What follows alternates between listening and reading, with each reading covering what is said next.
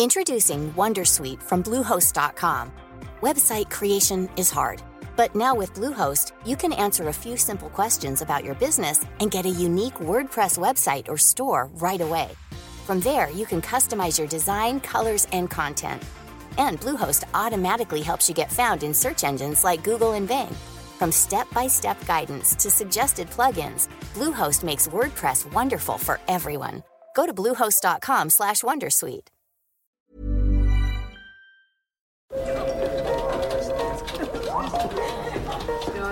Dette er lyden av norsk næringsliv. Akkurat nå tas det små og store valg som kan bli avgjørende for fremtiden. Med økonomisystemet X-Leger tas disse beslutningene basert på informasjon i sanntid, slik at drømmer og ambisjoner kan bli virkelighet. Få kontroll og oversikt. Gå inn på xledger.no. Denne sendingen er sponset av Xleger.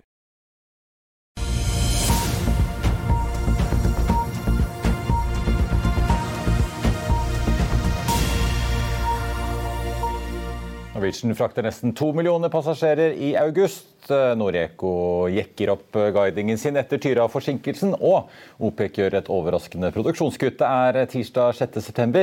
Velkommen til Børsmorgen her hos oss i Finansavisen.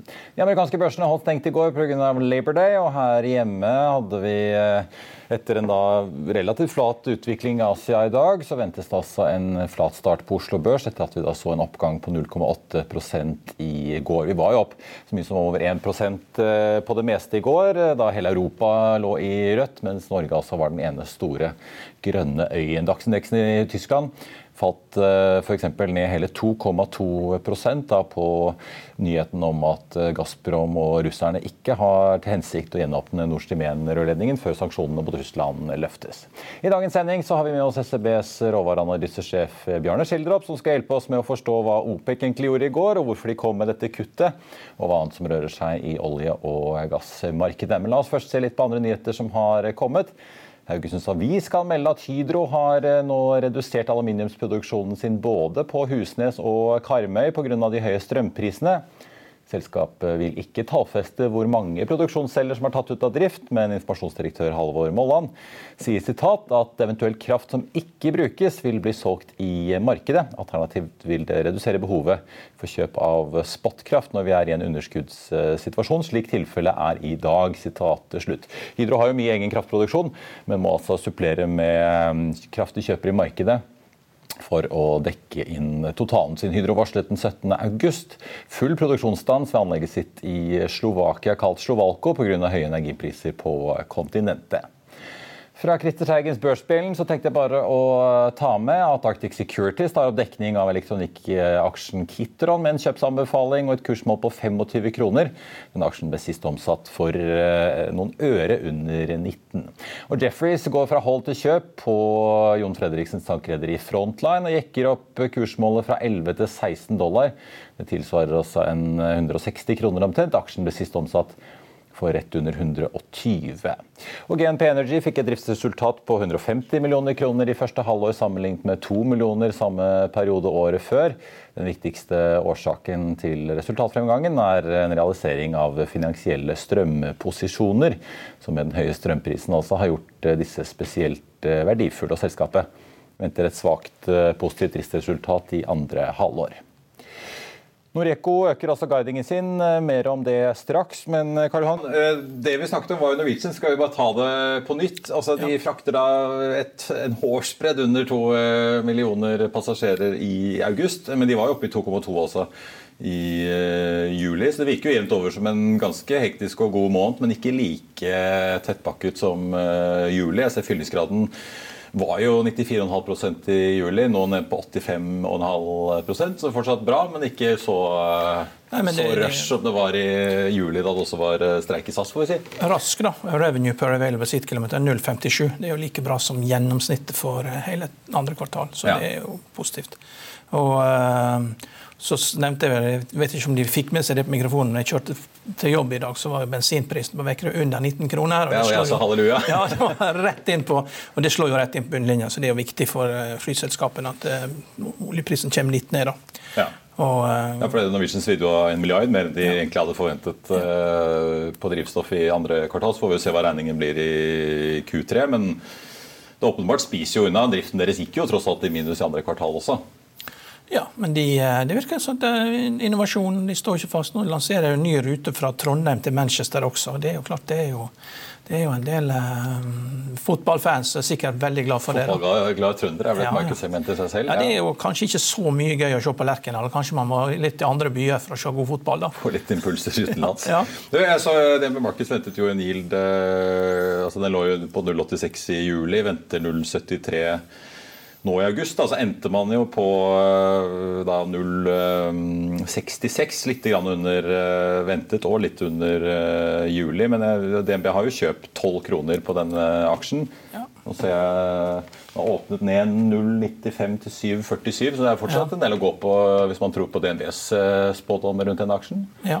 Nei, det kritiske nivået her er jo 6 kroner 26 øre. Det var jo der som den store emisjonen ble gjort. da. Det er jo store volumer. Ja, under restruktureringen. Ja, så det er jo, og den har jo falt ganske betydelig i det siste. så de, og Vi hadde jo Robert Ness her, og han mente jo at flyselskapene konkurrerer jo litt for hardt med hverandre. da. De bør jo kanskje slutte med det. da, og det, finne ut av dette, finne ut hva, hva SAS skal ha igjen her i, i Norden. Da, fordi det, det, det, vil jo bli et mindre flyselskap når du reduserer balansen med en tredjedel. Ja. Jeg så De hadde 69 fly i drift, det er ett med fra juli. Ja. men uh, Geir Karlsen i pressemelding i dag snakker om at han er eh, fornøyd med billettsalg utover høsten og at han ser de forretningsreisende komme tilbake. Eh, det er jo hyggelig for Norwegian, det, men det er vel et segment som mange er ganske spent på hvordan det egentlig blir med disse jobbreisende fremover? Ja kanskje litt lettere for Norwegian å få folk i gang på reiser eh, i, Norge enn å få på de interkontinentale reitene. Det er jo, det er jo Norse som har det segmentet. Ja. Du, skal vi ta en annen ting før vi ser på børsen? Noreco ute altså, ja. med, med, guiding. Det er jo ikke så veldig lenge siden de i starten av august meldte om eh, altså, total operatør på dette Tyra-feltet, hvor Noreco er engasjert eh, på Danmark. som man driver og gjenoppbygger, hvor Total altså kunne melde om en forsinkelse av oppstarten på feltet og økte kostnader. Det likte jo ikke Markedet sendte til Noreco-aksjen ned over 20 I dag melder de om økt guiding. Hva er det egentlig vi kan lese ut av det, det de kommer med? Det, en litt, litt, god nyhet er jo at de løfter guidance både for 3Q og 4Q da, med ca.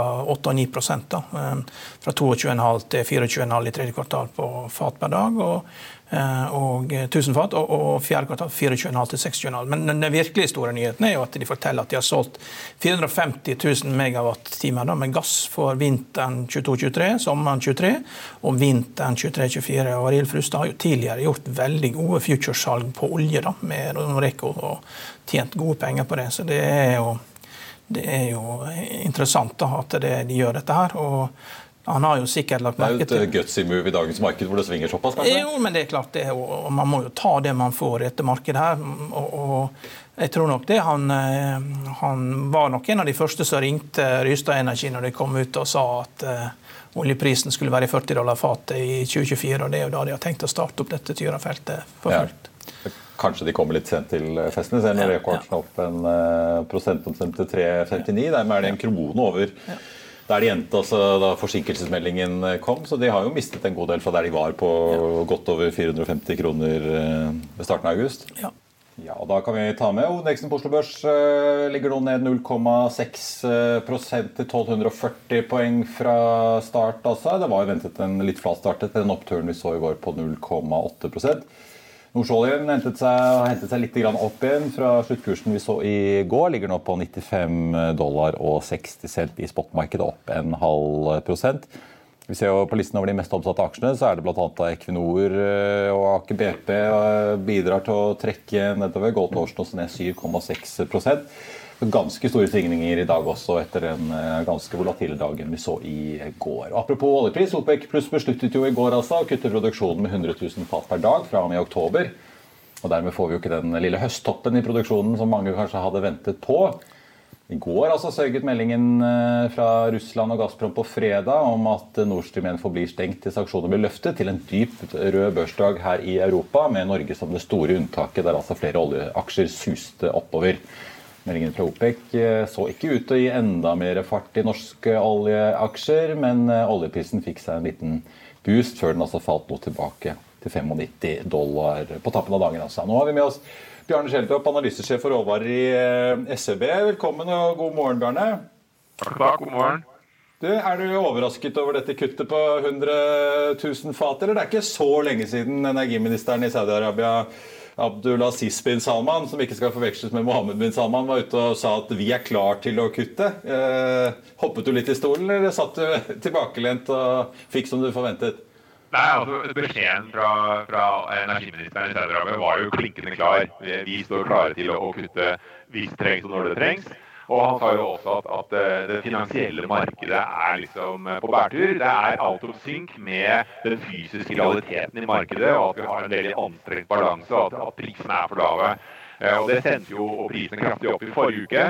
Jeg hadde forventet at de skulle kutte capen med en million fat og, og, den reelle produksjonen med en halv million fat. Så nå ble det et reelt kutt på, på, på 0, Eh, eller 100 000 fat. Eh, sånn at det ble et kutt. Eh, og hvis vi nå prøver å fordøye hva er det, hva er det de egentlig sier for noe Ja, selvfølgelig 100 000 fat. Det er jo ikke så mye, men det er en ganske betydningsfull beskjed likevel. Og det går helt kontrært til hva flertallet av analytikerne i markedet hadde forventet. De ventet bare at det skulle rulle dette her videre.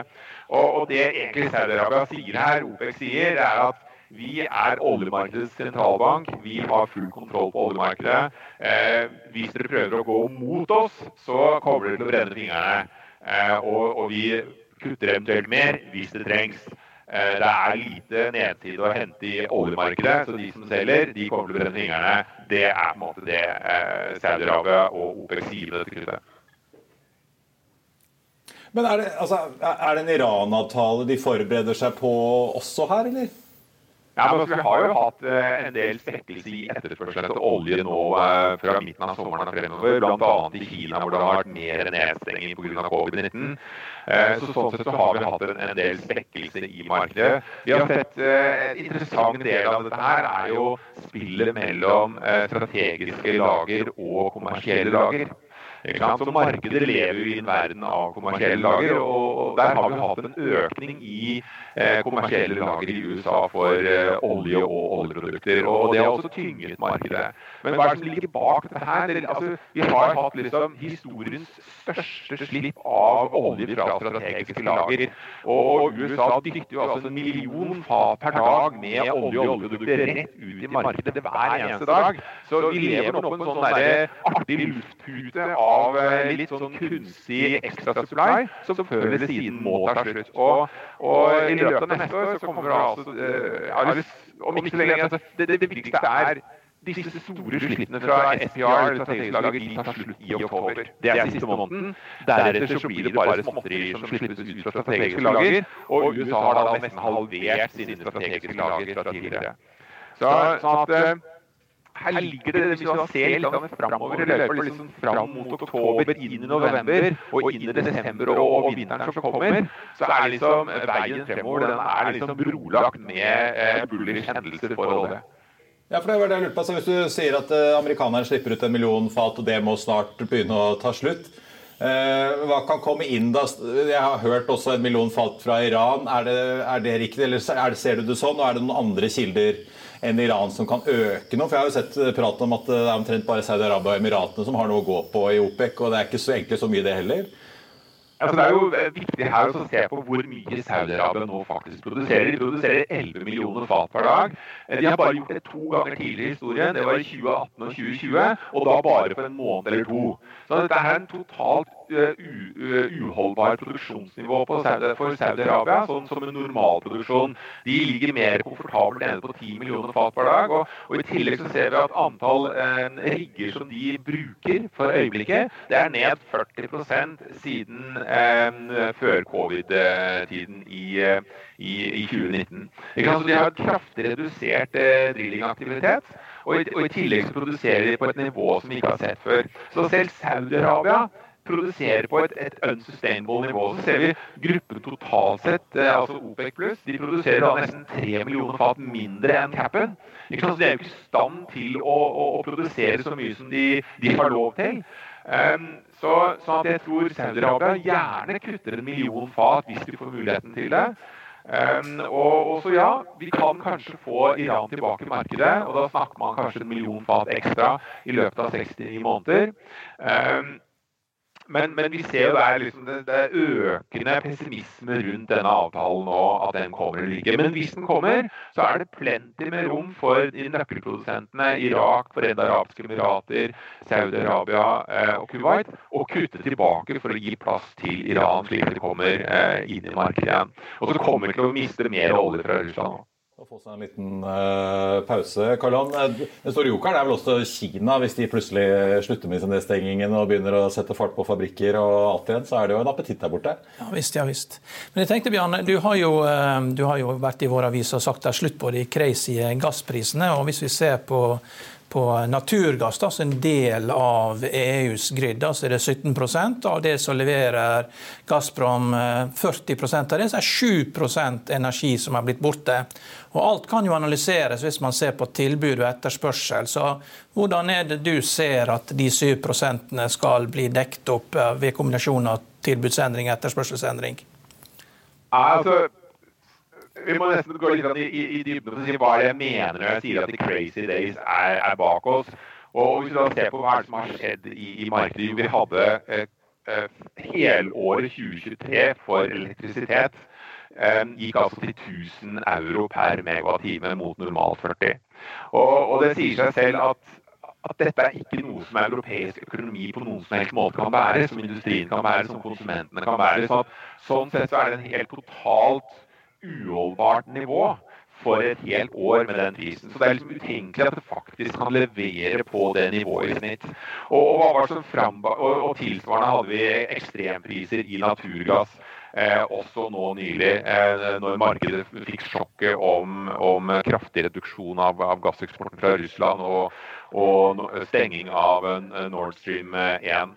Um, så, så, hva er liksom bakteppet for de eh, eksplosive prisnivåene som vi så der? Jo, det er jo at, at, det er enormt mye økonomisk smerte og null likviditet i dette markedet. Altså, ja, det er en viss likviditet i akkurat akkurat det nærmeste spotmarkedet. For der skjer det fortsatt eh, overføring fra fysiske produsenter til, til fysiske konsumenter i bilaterale avtaler. Men, men hvis vi ser det, så det er jo ikke en industribedrift med vett i behold som vil kjøpe helåret 2023 eh, for 1000 euro per megawattime. fordi at da går de umiddelbart konkurs hvis de låser inn den prisen. Så, så det finnes ikke likviditet ut på den kurven i kjøp og salg av verken gass eller eh, kraft på de nivåene. Og, og, hva som har skjedd siden eh, de sparkene? Jo, myndighetene har kommet med redningspakker til energiselskaper og likviditetsgarantier til energiselskaper og aktører i markedene. Og også, eh, så, så, så så nå har vi fått eh, blowouten på craziness. Vi har fått myndighetene som har kommet inn med stabiliserende tiltak. Men det betyr ikke at vi ikke skal ha særdeles solide og høye priser fremover både på kraft og elektrisitet i Europa. Men hvem er det som bestemmer prisen? Jo, det er økonomien. Det er konsumentene som bestemmer hva i det hele tatt de er i stand til å bære. Så, så, Det er derfor vi tror ja, vi har fått megablowout, men vi skal fortsatt ha veldig høye, solide priser. Altså, hvis vi ser på se på hva vi har som forecast på naturgass for neste år, så har vi altså 141 um, um, euro per megawatt-time uh, forecast for, for naturgass uh, neste år. Og hvis vi overfører det i fat uh, oljeekvalenter, så er det altså 240 dollar per fat. Så, så det er fortsatt en veldig veldig høy pris, som gir enorme inntekter til uh, olje- og gasselskaper uh, i Europa og Nordsjøen. Eh, Pengene bare fosser inn. Men, men, dette er mer en tanke liksom, som hva i det hele tatt kan man tenke seg at økonomien og konsumentene er i stand til å være? Ja, det blir masse eh, demand destruction. Ja, det blir masse importdelinger. Ja, det blir masse mer brenning av kull. Og så, videre, og så, videre. så vi må jo redusere konsumet av naturgass kraftig for å få dette her til å gå i hop. Men ingen er i stand til å betale uendelig høye priser, som vi nettopp har sett. Vi har sett Hydro, Yara og andre europeiske aktører stenge ned eller kappe produksjonen sin på kontinentet. Nå er det jo møte hos disse energiministeren i EU på fredag, er det vel. Kan det komme noe nytt, eller blir det mest prat inntil videre på tampen av uken, tror du? Nei, altså De, de klør seg i hodet og prøver å finne ut hva de skal gjøre. da. Um, og, og, Det er klart at det er mye lettere å sette en minimumspris enn en maksimumspris. Og Særlig i et marked som er fundamentalt short for naturgass uh, og elektrisitet.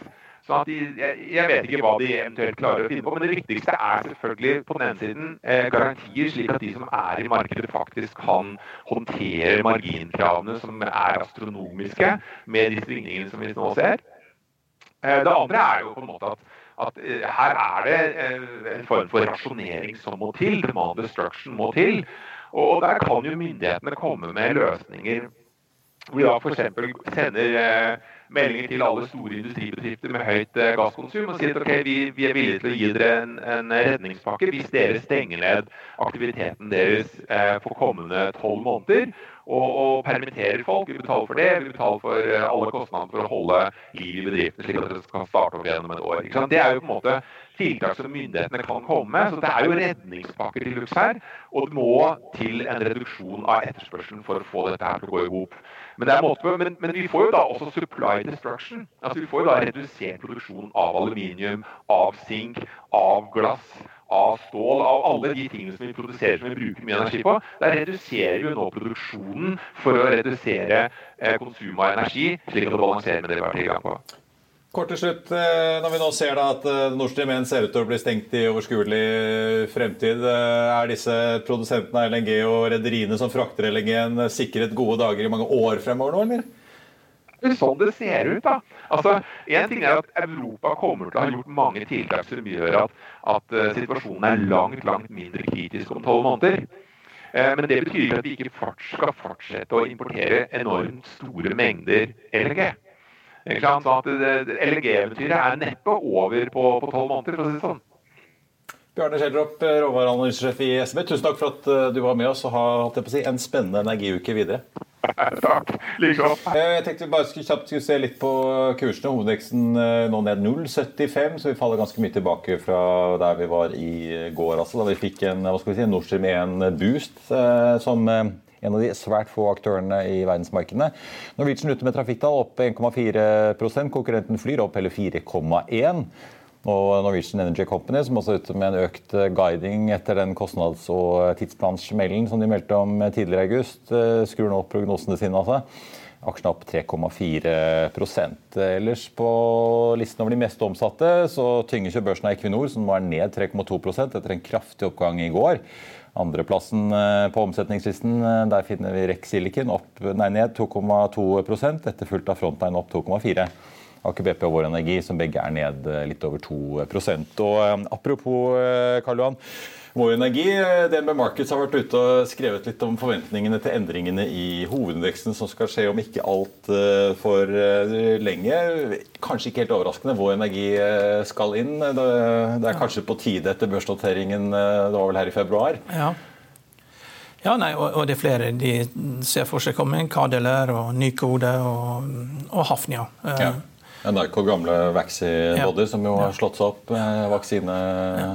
Nei, det, det, det, jeg tror de er mest opptatt av, er jo at eh, Equinor knuser jo eh, indeksen. og det, skaper jo problemer for eh, de som driver med fondsforvaltning. Da, fordi, de får ikke lov til å sitte med så like mye Equinor nei, som det som er i hovedindeksen? Nei. Vel, hvor mye er Equinor? da? Mellom 25 og 30 av indeksen? Da? Det er litt vanskelig å følge med. Går jo som bare det. Ja, og Fondene kan, kan, vel ikke sitte med mer enn 10? Nei, og, og, hovedindeksen, da har du et problem. Ja. Hovedindeksen er opp 4 og så er benchmark-indeksen ned 4% og Det blir litt tungt å sende ut brev til kunden om at vi har slått indeksen med benchmarket vårt med 1% men vi er ned 3 Den ja. Eh, krever litt. Men det er klart de har flyttet dette har de flyttet på i ni av ti år. Så har jo de medvind, og nå har de motvind med denne metoden. da. Ja. Som regel så underperformer jo Equinor. Uh, ja, altså Hafnia er også inne Jeg tenker på listen over de som skal ut, da, ifølge ja. Paul Harper i det med Markets. Uh, Nordic Nanovektor har slitt veldig etter at de måtte legge ned denne paradigmestudien. Gaming Innovation Group, uh, videokonferanseselskapet Pexip og selveste Aker Carbon Capture, eller karbonfangstjuvelen i Røkke-systemet, som jo har faktisk overlevd som eget børsnotert selskap. Aker tok jo eh, både havvindselskapet Offshore Wind og hydrogenselskapet sitt eh, A-børs og sugde det opp i Aker Horizons fornybarselskap igjen. Men Aker Carbon Capture har fått leve videre som eget eh, børsnotert selskap, men går likevel ut, da ser det ut til. Ja. ja. Så vi får følge med hvordan det går videre. Takk skal du ha, Karl Johan. Takk for det. Det var børsmål for denne tirsdagen 6.9. Husk å få med deg Økonominyhetene klokken 14.30. I mellomtiden får du som alltid siste nytt på fa.no gjennom hele dagen.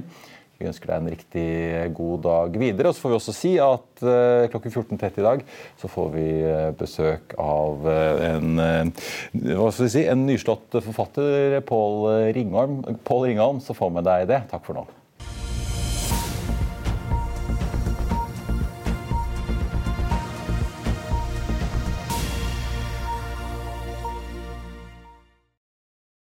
Denne sendingen er sponset av Xleger. Økonominyhetene er en podkast og videoproduksjon fra Finansavisen. Programleder er Marius Lorentzen. Aksjekommentator er Karl Johan Molnes. Produsent er Bashar Johar. Podkast- og videoansvarlig er Marius Mørk Larsen. Og ansvarlig redaktør er Trygve Hegnar.